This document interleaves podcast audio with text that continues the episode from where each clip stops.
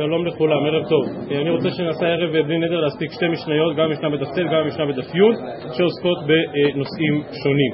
אז אתמול דיברנו על סוגיה טיפה יותר מורכבת, ענייני פלגינן דיבורה ועבד שמביא גט, וגם הוא צריך לומר לפני נכתב ולפני נחתם. המקור של ההלכה הזאת, המשנה כאן לפנינו, דף ט' עמוד א', במשנה הזו שתי הלכות. זאת אומרת, המשנה מביא גט ממדינת הים, ואינו יכול לומר בפניי נכתב ולפניי נכתב, אם יש עליו עדים, יתקיים בחותמה. אז כבר ראינו את המשנה הזאת וגם את הפרשנות של הגמרא, אבל ברור שאם אותו שליח לא יכול לקיים תקנת חז"ל ולא יכול לומר לפני נחתם, אין ברירה אלא כן, בחותמיו, כלומר לעשות תהליך רגיל של קיום שטרות. הגמרא שכבר ראינו בדף ה' שואלת, רגע, אבל גם אם יהיה קיום שטרות והעדים יכולים לקיים את החתימות, עדיין יש בעיה של לשמה, אתה לא יודע אם הגט נכתב לשמה, ועל זה אמרה הגמרא שהמשנה כאן היא ודאי אחרי שכבר למדו, דהיינו שעניין לשמה כבר לא מטריד אותנו, וכל הבעיה זה קיום השטר, אם השליח לא יכול לקיים, אז יתקיים בחותמה. ועוד אומרת המשנה, אחד גיטי נשים ואחד שחרורי עבדים, שבו למוליך ולמביא, וזו אחת מן הדרכים ששבו גיטי נשים לשחרורי עבדים. וזה מה שדיברנו אתמול.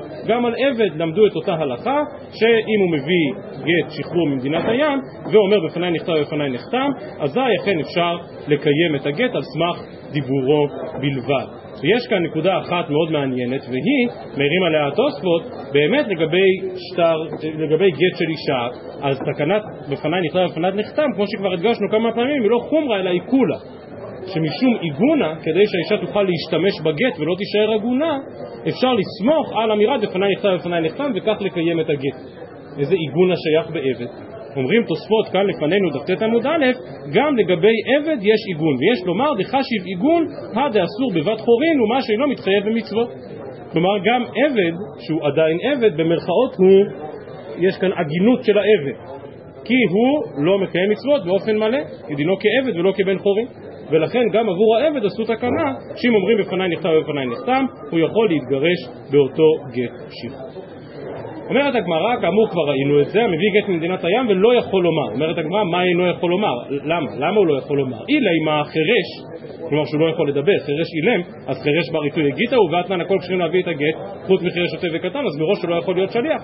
אמר רב יוסף, מקרה קצת רחוק, ככה במאי עסקינן, כגון שנתנו לה כשהוא פיקח, כלומר מינו אותו לשליח והוא ראה שנכתב ונחתם כאשר עוד היה פיקח, ולא הספיק לומר לפני נכתב ולפני נחתם עד שנתחרש.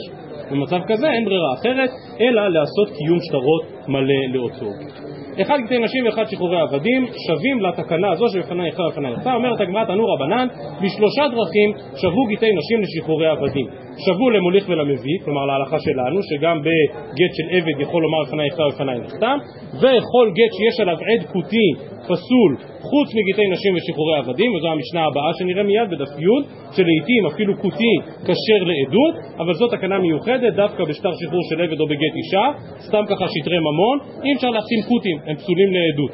הרבה פעמים כשהגמרא אומרת כותי הכוונה גוי אבל כאן בסוגיה פה במשנה שנראה מיד בדף י' הכוונה לכותי ממש הכותים המפורסמים שהושבו בארץ, גרי אריות וכולי וכולי, ואם כן, מהטעם שנראה במשנה הבאה, עד כותי כשר בגיטי נשים בשחרורי עבדים, והלכה שלישית שעליה נדבר מחר, וכל השטרות העולים בערכאות של עובדי כוכבים, אף על פי שחותמיהן עובדי כוכבים כשרים, חוץ מגיטי נשים ושחרורי עבדים. כלומר, שטר שנעשה מה שנקרא גירושין אזרחיים, אז באמת שטרות אזרחיים בדרך כלל כשרים. שני אנשים שעשו הלוואה והלכו לבית משפט אזרחי, אז השטר שביניהם תקף. הנימוק הפשוט לזה, קצת מקדים את מחר, הוא דינא דמלכותא דינא. עשינו הסכם בינינו, הלכנו לבית משפט אזרחי וקיים את ההסכם, דינא דמלכותא דינא. כמובן שדינא דמלכותא דינא לא תופס בשחרורי עבדים, בגיטי נשים שהם עניין איסורי, וכאמור זו בעזרת השם הסוגיה שלנו למחר, המשנה בדף י עמוד ב' והסוגיה בדף י"א, כל עניין ערכאות של עובדי כוכבים. אז אם כן יש לנו שלוש הלכות, בפניי נכתב ובפניי נחתם, והדין של עד כותי שכשר והדין של ערכאות שפסולים וכדברי רבי מאיר בארבעה, כלומר לדעת רבי מאיר יש נקודת השוואה נוספת בין שטר שחרור של עבד לבין גיטי נשים, וזה האומר תן גט זה לאשתי ושטר שחרור זה לעבדי, רצה לחזור בשניהם יחזור דברי רבי מאיר. כלומר, אף על פי שאותו שליח כבר קיבל את הגט, המשלח יכול לחזור בו. מה הסברה שהוא לא יכול לחזור בו? זו הסוגיה לא של מחר, אלא בעזרת השם של מוצאי השבת. למה לא יכול לחזור בו? לא, לא, לא, יותר פשוט.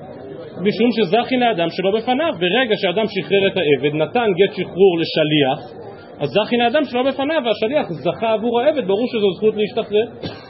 אבל בא רבי מאיר ואומר, מה פתאום, זו לא זכות להשתחרר. נוח לו לעבד להישאר עבד. קל וחומר שנוח לאישה להישאר נשואה ולא גרושה. ולכן, אף על פי שאותו אדם נתן גט שחרור או, או גט כריתות כבר לשליח, אומר רבי מאיר, הוא עדיין יכול לחזור בו. חכמים מסכימים עם רבי מאיר, כמובן לעניין גט של אישה, שזה לא זכות להתגרש, ולכן המשלח יכול לחזור בו, כי הגט עוד לא חל, אבל לעניין שטר שחרור של עבד, חכמים חולקים על רבי מאיר, ואומרים זכין לו לעבד להשתחרר, כמו שכבר הזכרנו גם מקודם בתוספות, ולכן לא יכול לחזור. ובכן, לפי רבי מאיר, יש נקודת השוואה נוספת בין גיטי נשים לשחרורי עבדים, שהמשלח לא יכול לחזור, שהמשלח, סליחה, כן יכול לחזור בו מהשליחות.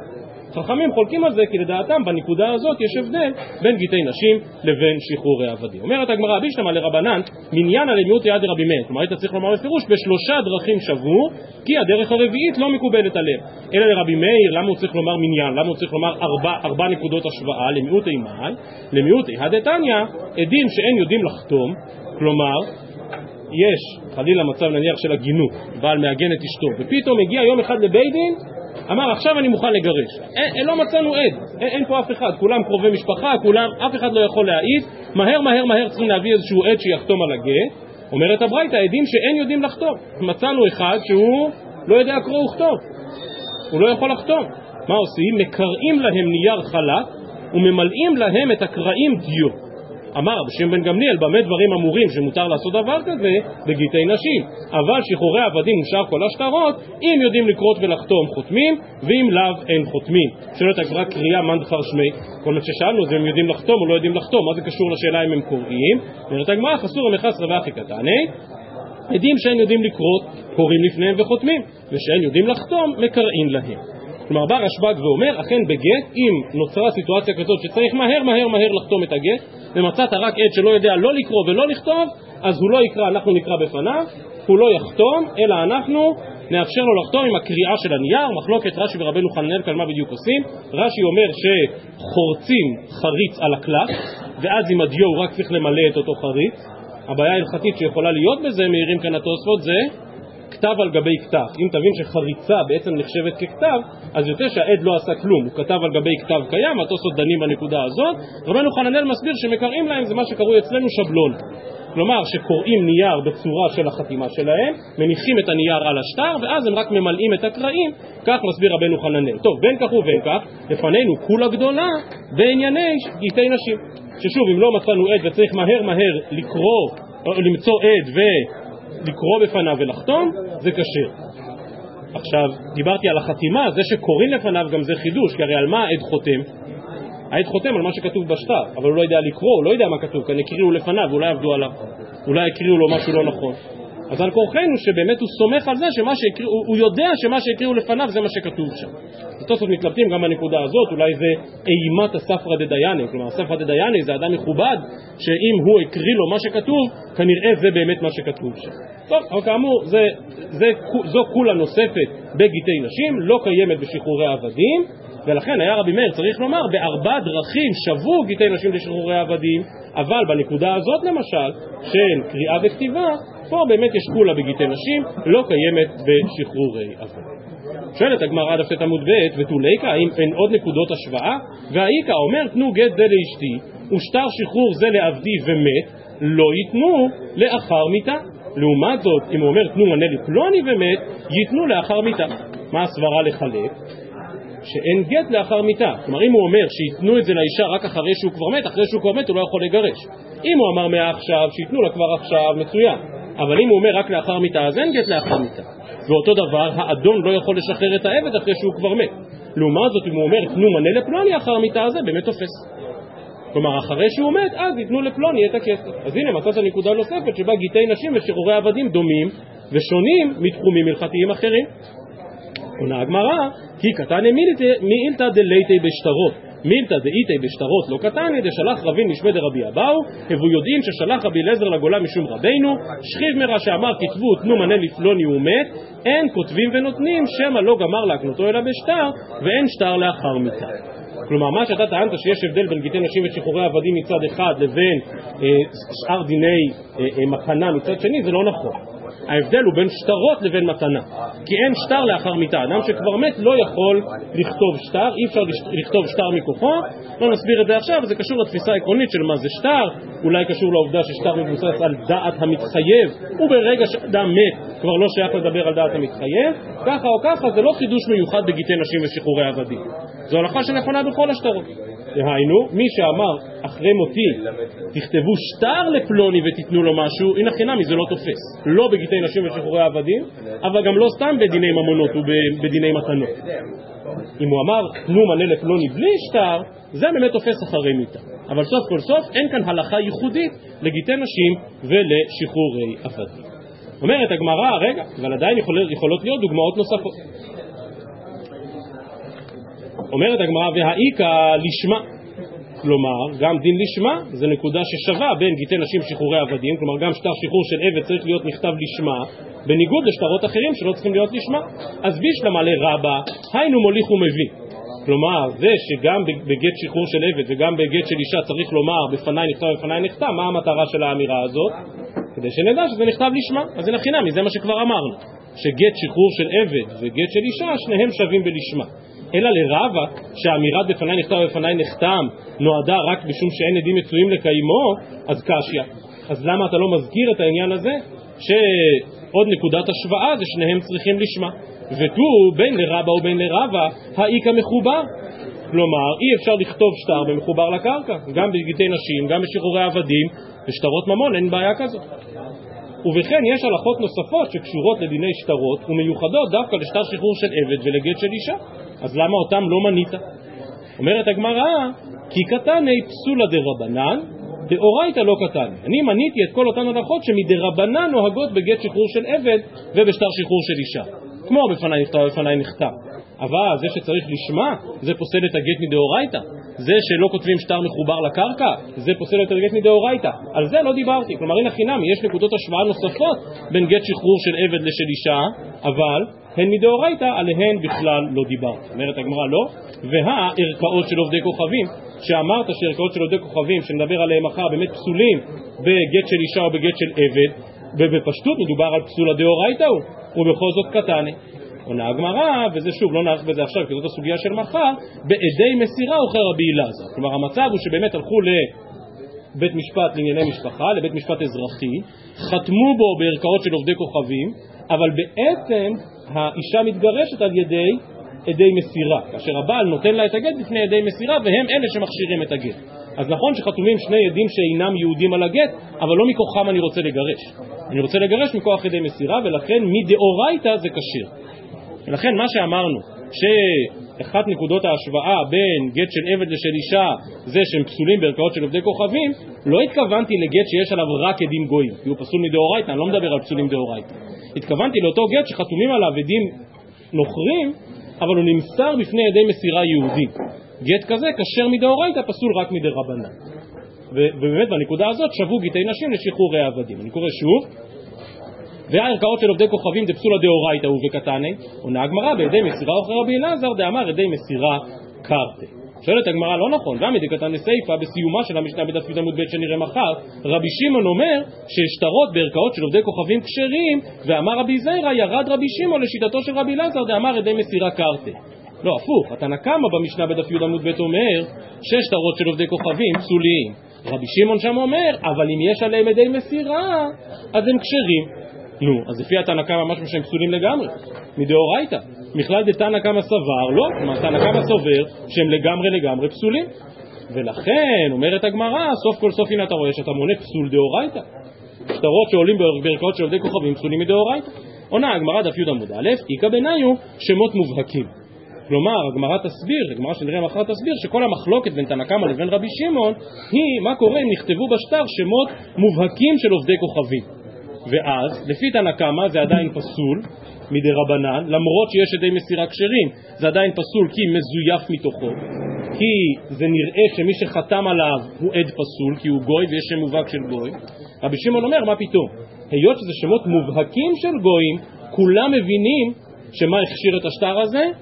ידי מסירה לפי רבי אלעזר. טוב, אז אם כן, כל המחלוקת תנא קמא ורבי שמעון, שנחזור אליה מחר, קשורה רק לאותה תקנה דה רבנן על שמות מובהקים של גויים. אבל שוב, מדובר על שטר שמדאורייתא הוא כשר כי יש עליו עדי מסיר. אבל שואלת הגמרא דף י עמוד א', רגע, אבל יש עוד נקודה. והחזרה דאורייתא, כלומר, מה היה הדבר הרביעי שרבי מאיר מנה? שמי שנתן שטר שחרור לעבד או לאישה על ידי שליח, יכול לחזור בו. נו, ואם הוא חזר בו, מה הדין? וביטל את השליחות, מה הדין? הגט פסול מדאורייתא. אז הנה אתה רואה שזו נקודה שהיא מדאורייתא, לא מדרבנן, יש פה הלכה שהיא מדאורייתא, שהמשלח יכול לבטל את השליחות, והחזרה ודאורייתא הוא בכל זאת קטני. אלא מנציאה הגמרא דרך אחרת ואומרת כי קטני מילתא דליתא בקידושין. מילתא דאיתא בקידושין לא קטני. כלומר שניתי את כל אותן הלכות ששוות לשטר שחרור של עבד ולגט אישה אבל לא נוהגות בשטר קידושין. אז זה מסביר את כל מה שראינו מקודם. למשל כתיבה לשמה צריך בשטר קידושין? כתיבה לשמה צריך בשטר קידושין? בוודאי שכן ולכן לא הזכרתי את זה כי זאת הלכה שנוהגת גם בקידושין כתיבה במחובר כשרה בשטר קידושין? ברור שלא, ולכן לא הזכרתי את זה. הזכרתי רק את אותן הלכות שנוהגות רק בגט אישה או בשטר שחרור של עבד, ולא נוהגות בכלל בשטר קידושין. מילתא דאיתא בקידושין לא קטני. עכשיו, מה הן ההלכות שנוהגות בשטר קידושין? אז כמובן כל הלכות שטרות הרגילות, כל הלכות שטרות נוהגות בשטר קידושין. כמו שאמרתי, צריך לכתוב לשמה, צריך מחובר לקרקע וכולי וכולי וכולי, כל הדברים הללו ודאי נוהגים בשטר קידושין. מה לא נוהג בשטר קידושין? למשל דין שבפניי נכתב, בפניי נכתב. כל הדבר הזה בא רק שמא הבעל יערער, לא שייך ערעור הבעל בשטר קידושין. השולח שטר קידושין לאשתו ממדינת הים. אז מה, הוא יכול אחר כך לערער על זה? מי יערער על זה? הרי אם היא לא רוצה, שלא תקבל את זה, שלא תתקדש. ואם היא כן רוצה להתקדש, אז מי יבוא אחר כך ויערער על כל הדבר הזה? ולכן למשל תקנת בפניי נכתב ובפניי נחתם היא תקנה שבאמת נוהגת בשטר של עבד ובשטר גט של אישה, לא קשורה בכלל לשטר קידושין. ולכן שוב שנינו רק את אותן דוגמאות שמיוחדות לגיטין, גט של עבד, גט של אישה, אבל לא לשטר קידושין. שואלת הגמרא, רגע, והחזרה גופה איתה בקידושין. לא נכון, אבל עצם הדין של רבי מאיר, דהיינו, נותן מי שאמר לשליח, תן גט. אה, סליחה, תן שטר קידושין לאשתי, עכשיו הדבר הזה, איתה בקידושין. מה זאת אומרת איתה בקידושין? שהוא יכול, שהוא יכול לחזור בו. עכשיו זה מעניין, הגמרא מבינה שלקבל שטר קידושין לאישה זה זכין או חבין? חבין. למה? כי אסר לה, לא, כי אסר לה כולי עלמא. כלומר למרות שהיה לנו ברור שלתת שטר גט לאישה זה ודאי חבין, כי עדיף לה להיות נשואה, אבל גם לתת לו שטר קידושין זה חבין. כי הוא אוסר אותה על כולי עלמא. ולכן גם שטר קידושין איתה בחזרה, כלומר מי שנתן שטר קידושין לשליח ואחר כך ביטל את השליחות יכול לבטל, נו, אז ההלכה הזאת נוהגת גם בגט, גם בקידושין, ובכל זאת קטני, בכל זאת הזכרת אותה. עונה הגמרא, לא, באמת חזרה זה משהו אחר, והחזרה גוף היית בקידושין, אומרת הגמרא, בשליחות בעל כורחה, דבגירושין איתה ובקידושין ליתה. מה זה שליחות בעל כורחה? אז גם כאן מחלוקת בין רש"י לבין רבנו חננאל. רש"י מסביר שבגירושין הבעל יכול לבטל את השליחות, בעוד שבקידושין גם האישה יכולה, היא לא יכולה בדיוק לבטל את השליח, אבל מה היא יכולה לעשות? לא לקבל את זה, היא לא, היא לא מתגרשת בעל כורחה. ולכן עוד פעם, זה לא בדיוק ביטול השליחות, אבל הייתי אומר זה נטרול השליחות. היא לא יכולה לבטל את השליח, אבל היא יכולה להגיד, אני לא רוצה לקבל ממנו את, ה, את שטר הקידושין. ולכן שוב זה לא דומה ולכן זה כן מייחד שטר שחרור של עבד ושל אישה כך מסביר רש"י, התוספות מקשים על רש"י שגם אם האישה לא רוצה להתקדש כאמור אין בזה ביטול של השליחות ולכן התוספות מסבירים בשם רבנו חננאל שהייתה הווה אמינא שדווקא בגלל שהשליחות של גט היא בעל כורחה בגלל זה הבעל יכול לבטל אותו אבל בשטר קידושין היות שהאישה לא מתגרשת בעל כורחה, האישה לא מתקדשת בעל כורחה, ממילא גם הבעל לא יכול לבטל את השליח. וכמה שמלן שזה לא נכון. סוף כל סוף באמת חיפשנו את אותם דברים שמיוחדים דווקא לעולם הכריתות, דהיינו שחרור של עבד, גירושין של אישה, אבל לא קשורים לקידושין, בטח ובטח שלא קשורים גם לתחומים אחרים. עד כאן סוגיה ראשונה לערב, אנחנו עוברים לסוגיה הבאה, רמזנו לה מקודם, הסוגיה של עד כותי. אז כמו שכבר הקדמנו ואמרנו, הכותים הם אלה שהושיב מלך אשור אה, במקומם של עשרת השבטים שהוגלו למרחקים ופגעו בהם האריות כי הם לא הכירו את משפטי הארץ והם באו והתגיירו. ונחלקו הדעות בחז"ל האם הגיור הזה היה גיור גמור או לא, כפי שנראה מיד הסוגיה שלנו יוצאת מתוך נקודת הנחה שמדאורייתא הכותים הם יהודים. כלומר הגיור שלהם היה גיור אמיתי, גיור שריר ותקף, נכון שב... במרוצת הדורות, שמירת המצוות שלהם הלכה והתרופפה, אבל במהות דינם כיהודים כשרים. מה זה אומר ששמירת המצוות שלהם הלכה והתרופפה? זה אומר שהם התחילו לקיים מצוות באופן חלקי. וזה בעצם מוקד הדיון שנראה מיד, דהיינו יש מצוות שהם קיימו ויש מצוות שהם לא קיימו. בגדול בגדול איזה מצוות הם המשיכו לקיים? לכן לפעמים מבלבלים את הכותים עם השומרונים או עם קראים וכולי, הם המשיכו לקיים מצוות שמפורשות ממש בתורה, מה שכתוב שחור על גבי לבן. כל מיני דברים אחרים הם הפסיקו לקיים. טוב, התוספות כאן שמתחיל דף י עמוד א' ודף י עמוד ב' מדבר בדיוק על הנקודה הזאת, אז איזה מצוות הכותים קיימו או לא קיימו, האם זה תלוי רק במה שכתוב בתורה, או האם כללית הייתה ביניהם איזושהי קבלה של מצוות מסוימות שהם רוצים לקיים, מצוות אחרות שהם לא רוצים לקיים, כך או כך, ברור שחלק מן המצוות הם מקיימים, ושוב, ברור שמעיקר הדין, לפחות הסוגיה שלנו מניחה, שכותים הם גרי אמת, כלומר, כאשר אתה מוצא כותי שאכן מדקדק במצוות, דינו ממש כיהודי לכל דבר ועניין. ועל זה אומרת המשנה דף י עמוד א', כל גט שיש עליו עד כותי, פסול. כלומר, למרות כל מה שאמרתי עכשיו, כותי פסול לעדות, חוץ מגיטי נשים ושחרורי עבדים. כלומר, אם כותי בא וחתם על גט של אישה, הגט הזה כשר. והגמרא מיד תסביר מדוע. מעשה שהביאו לפני רבן גמליאל לכפר עותנאי, גט אישה, והיו ידיו ידי כותים והכשיר. כפר עותנאי מזוהה באזור מגידו של היום. אנשי הגליל התקשו להגיע לירושלים בדרך המלך. מהי דרך המלך? דרך המלך זה ללכת בציר שישים, ללכת ב... על ההר, כי שם ישבו הכותים. ולכן כאשר הגיעו לצומת מגידו היו צריכים לפנות מערבה לכיוון כביש 6 או לכיוון כביש החוף וכך לעלות לירושלים דרך שפלת החוף. וכפר עותנאי שבאזור מגידו זה בעצם מקום שסימל את אה, קו הגבול, קו פרשת המים, אל מול החוטים. ולכן לא מפתיע שלכפר עותנאי הגיע גט שחתומים עליו עדים כותים, וסוף כל סוף הפסק של רבן גמליאל היה באמת להכשיר גט שיש עליו עדים כותים, כמו שכתוב במשנה. אומרת הגמרא, מה אני מתניתי? מי הוא התנא של המשנה שסבור שלפחות לעניין גיטין, כותים הם יהודים כשרים, הם יכולים לחתום על הגט. מה אני מתניתים? לא תנא קמא ולא רבי אליעזר ולא רבן שמעון בן גמליאל, והמחלוקת שלהם היא מחלוקת בהלכות פסח, בהלכות מצה, דתניא, מצת כותי מותרת, ואדם יוצא בה ידי חובתו בפסח. זו דעת התנא קמא. והתוספות מדגישים שיש כאן לא זו אף זו, כלומר לא זו בלבד שאין חשש חמץ במצה של כותים, דהיינו שאני מבין שאת מצוות מצה הם מקיימים כהלכתה, חי רגעים והמצה שלהם ללא חשש חמץ, אלא יוצא בה ידי חובתו בפסח, כלומר יפה מאוד, היא גם מצה שמורה, יש בה דין שלשמה, והתוספות כאמור מדגישים שזה לא זו אף זו, לא זו בלבד שהם יודעים להיזהר מחמץ, הם גם יודעים להתכוון לשמה, כלומר לפי התנא קמא, מצוות, הנה למשל מצווה שהם שומרים, מצוות מצה, כשרה למהדרין, מאה אחוז. רבי שמעון בן גמליאל, אה, סליחה, רבי אליעזר אומר, רבי אליעזר אוסר, לפי שאין בקיאים בדקדוקי מצוות. אומר רבי אליעזר, מה פתאום, השתגעת? לאכול מצה שהכין כותי, הם לא בקיאים בדקדוקי מצוות. אי אפשר בכלל לאכול את המצה הזאת. רבי שמעון גמליאל אומר, כל מצווה שהחזיקו בכותים, הרבה מדקדקים בה יותר מישראל. כלומר, רשב"ג אומר, תלוי אם זו מצווה שהחזיקו או לא החזיקו. אם הם החזיקו, הם מקיימים אותה כהלכתה. אם לא החזיקו, לא החזיקו. טוב, אז מי מתאים למשנתנו? אומרת הגמרא, מן.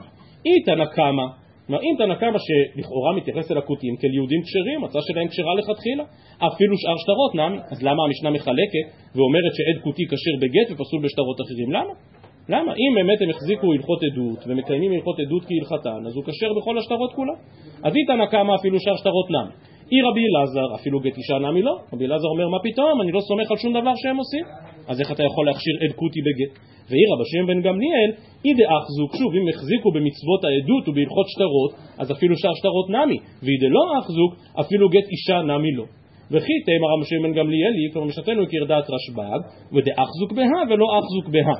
טוב, באמת כך אפשר להסביר, שהכותים כן מקיימים אבן העזר, גיטין, קידושין, ולכן בזה אפשר לסמוך עליהם, לעומת זאת לא מקיימים חושן משפט, ולכן בזה אי אפשר לסמוך עליהם, וזה בדיוק מה שהמשנה אומרת. שעד כותי פסול בשאר שטרות, כשר בגט. אי הכי אומרת הגמרא, אז לפחות לעניין אבן העזר מה דינו של כותי? מה דינו של כותי? לפי התפיסה הזאת, יהודי כשר. אי הכי אומרת הגמרא, מהי עיר יחד? אפילו תרי נמי. למה אמר רבי אלעזר לא הכשירו בו אלא עד אחד כותי בלבד. כלומר אומרת הגמרא, וזה חידוש, לא הבנו ככה עד עכשיו, שכל מה שאמרה המשנה שעד כותי כשר בגט זה דווקא אם יש עד אחד. אבל אם יש שני עדים כותים זה פסול.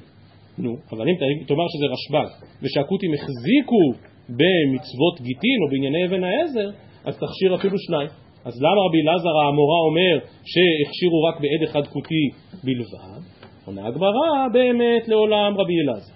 וכגון דחתים ישראל לבסוף. כלומר, מדובר על מצב, כמו שאמרנו, שבאמת יש עד כותי אחד, ומתחתיו חותם עד יהודי כשר. דאילאו דכותי חבר הווה, כלומר, אלמלא מדובר על כותי ישר דרך שמקיים מצוות, לא מחתים ליני קמי. כלומר, היהודי לא היה חותם אחריו. וכמו שהדגשתי מקודם, על זה אומרים תוספות, מכאן מוכח שהסוגיה שלנו נוקטת, שמעיקר הדין, דינם של הכותים, יהודים כשרים לכל דבר ועניין. כלומר, סוף כל סוף אם מדובר על כותי חבר, אם מדובר על כותי המקפיד במצוות, אז הנה חינמי, ודאי שהוא כשר לעדות. מה אני צריך? אני צריך שיהיה לי יהודי כשר אחר ש... שיאשר את זה. וזאת נקודה שהתוספות מתייחסים אליה ממש ברמז, בתוספות הקטן כאן דיבור, דמיון מתחיל אילב, אבל אפשר להעריך בנקודה הזאת עד מאוד, והיא, כאשר אדם בא ומעיד על משהו, חותם על שטר או מעיד בעל פה, הוא גם מוסר את הדברים, אבל גם בו ברגע מעיד ש... אוקיי, לא, מעבר לזה שהדברים אמת, הוא מעיד שהוא עצמו עד כשר. יותר מזה, אבל אתה אומר לא רק שהוא מעיד שהוא עד כשר, אלא שלכאורה הוא גם מעיד על חברו שהוא עד כשר. בקיצור, האם באמת זה נכון שברגע שחתם עד, או נאמר את זה בניסוח של התוספות, יוצא לכאורה שיש כאן גט שהוא על סמך עד אחד בלבד. יש כאן עד אחד יהודי כשר, הוא לבד מעיד והוא גם צריך להעיד על העד השני. טוב, אבל כאמור זה לא ככה, בגלל שסוף כל סוף יש כאן שני עדים, ואם הכותי הוא כותי חבר, אז הוא כשר לעדות. ולכן אנחנו מקבלים רק עד אחד ולא שני עדים. אומרת הגמרא דף י' עמוד ב' למעלה, רגע, אבל אי הכי, אם באמת מדובר על מצב שבו היהודי חתם אחרי הכותי, ובאמת מדובר על כותי חבר, נו אז אדרא קושיא לדוכתא, אז אפילו שאר שטרות נמי, אז למה רק גט? בכל השטרות. אלא, יכול להיות, למה בשטר שטרות אתה אומר שלא? אמרינן רב חשבק למאן דקשי שמיני. אתם ראיתם פעם, הייתם בחתימת הכתובה, בחופה, באמת תמיד יש קטע כזה, שכל אחד מהעדים רוצה לחתום שני, רוצה לכבד את חברו שהוא יחתום ראשון. אז אולי זה מה שקרה כאן. כלומר, זה שהחתימה השנייה היא של יהודי כשר, זה לא בגלל שהוא ראה שחתם קוטי חבר והוא מאשר את החתימה שלו, לא. אלא פשוט בגלל שהוא אמר, לא, אני מתוך ענווה חותם שני. יבוא אדם מבוגר ממני, חשוב ממני, והוא יחתום ראשון. רגע, אם זה מה שקרה, אז... הכיר אותו וקיבל אותו. הפוך, אם זה מה שקרה, אז... אז יכול להיות שאדם חתם על השטר כשאין לו מושג מי החותם הראשון. הוא פשוט השאיר מקום למישהו פלוני אלמוני יותר חשוב. אם זה מה שקרה, אז אתה כבר לא יכול להכשיר את השטר עם עד אחד כותי, כי אתה לא יודע אם הכותי הזה הוא כותי חבר או לא. אלא אמרין, אני קורא שוב, רב חשבת למאן דקשיש מיני, הכנה מרב חשבת למאן דקשיש מיני. כלומר, אם רגע, רגע, רגע, אז אם אתה חושש לזה, אז אותה בעיה קיימת גם בגיטי נשים. דהיינו, שביקשו מישהו לחתום על הגט, אז הוא חתם שני, כי הוא אמר אני אשאיר למישהו אחר לחתום ראשון, ואז בקוטי לא חבר וחתם לפניו. אמר רב פאפא, זאת אומרת, עדי הגט, אין חותמים זה בלא זה. מה הייתה אמר? אמר רב אשי, גזירה משום כולכם. סוגיה שנראה בהמשך המסכת, כאשר אדם מבקש מכולכם לחתום עבורי על הגט, אז כולם צריכים לחתום זה בפני זה.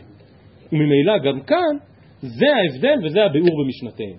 דהיינו, היות שבגיטי נשים חותמים יחד, אז אם רואה חתימה של יהודי כשר, אני בהכרח יכול ללמוד מזה ש...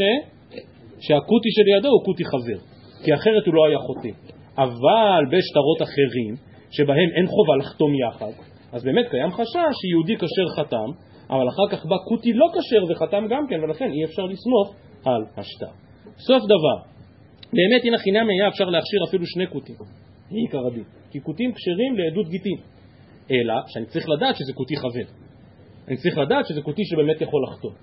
ולכן אמרה המשנה, דווקא אם יש עד כותי אחד, ולא אם יש שני עדים כותים, רק כדי שאני אדע שאותו כותי שחתם הוא אכן כותי חבר, ואם כן משנתנו אכן תואמת לדעת רשב"ג, שכל מצווה שהחזיקו בה מקיימים אותה כמו שצריך, ובלבד שאכן אני רוצה לדעת שמדובר על כותי חבר. גוף אמר רבי אלעזר, לא הכשירו בו אלא עד אחד כותי בלבד. מה יקרא משמע לן? תננה, הרי זה באמת פשט המשנה, כל גט שיש עליו עד לשון יחיד, כותי פסול. אומרת הגמרא, אם היא מתניתין, הווה אמינא, אפילו תרי נמי, והי דקתן אחד, משום דבשטרות, אפילו חד נמי לא, כמה שמנה. כלומר, באמת, בשאר שטרות, כמו שהסברנו, אפילו עד אחד כותי פסול. ולכן הייתי יכול לחשוב, כמו שכל מה שהסברנו מקודם, שבאמת בגט, גם שני עדים כותים זה בסדר. זה שאמרתי עד אחד זה כדי ללמד שבשאר שטרות אפילו עד אחד נמי לא. כמה שמלן רבי אלעזר שזה לא הפשט במשנה. שהמשנה בדווקא אמרה עד כותי לשון יחיד, כי אפשר להכשיר רק עד כותי אחד, לידו אני רוצה עד יהודי כשר, שיעיד על אותו כותי שהוא אכן חבר. שואלת הגמרא, ותרי לא? האם באמת שני עדים כותים לא כשרים לגט? והקטני מעשה והביאו לפני רבן גמליאל לכפר תנאי את גט אישה והיו עדיו עדי כותים והכשיר מפורש ששניים, שני העדים היו כותים ובכל זאת הוא הכשיר.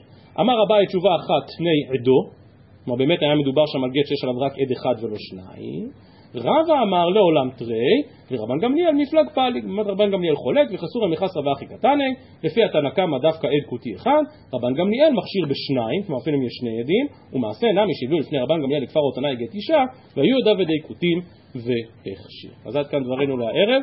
לפעמים אנחנו נסחפים ונסחפים, מערכים ומערכים, ולפעמים בתוך חצי שעה אפשר ללמוד דף וחצי, כמעט שניים, הכל לפי העניין ולפי הנסיבות. מחר בעזרת השם נעבור למשנה הבאה, כאן דף י' עמוד ב', לסוגיה היותר מורכבת ומיוחדת של ערכאות של עובדי כוכבים. ערב טוב לכולם.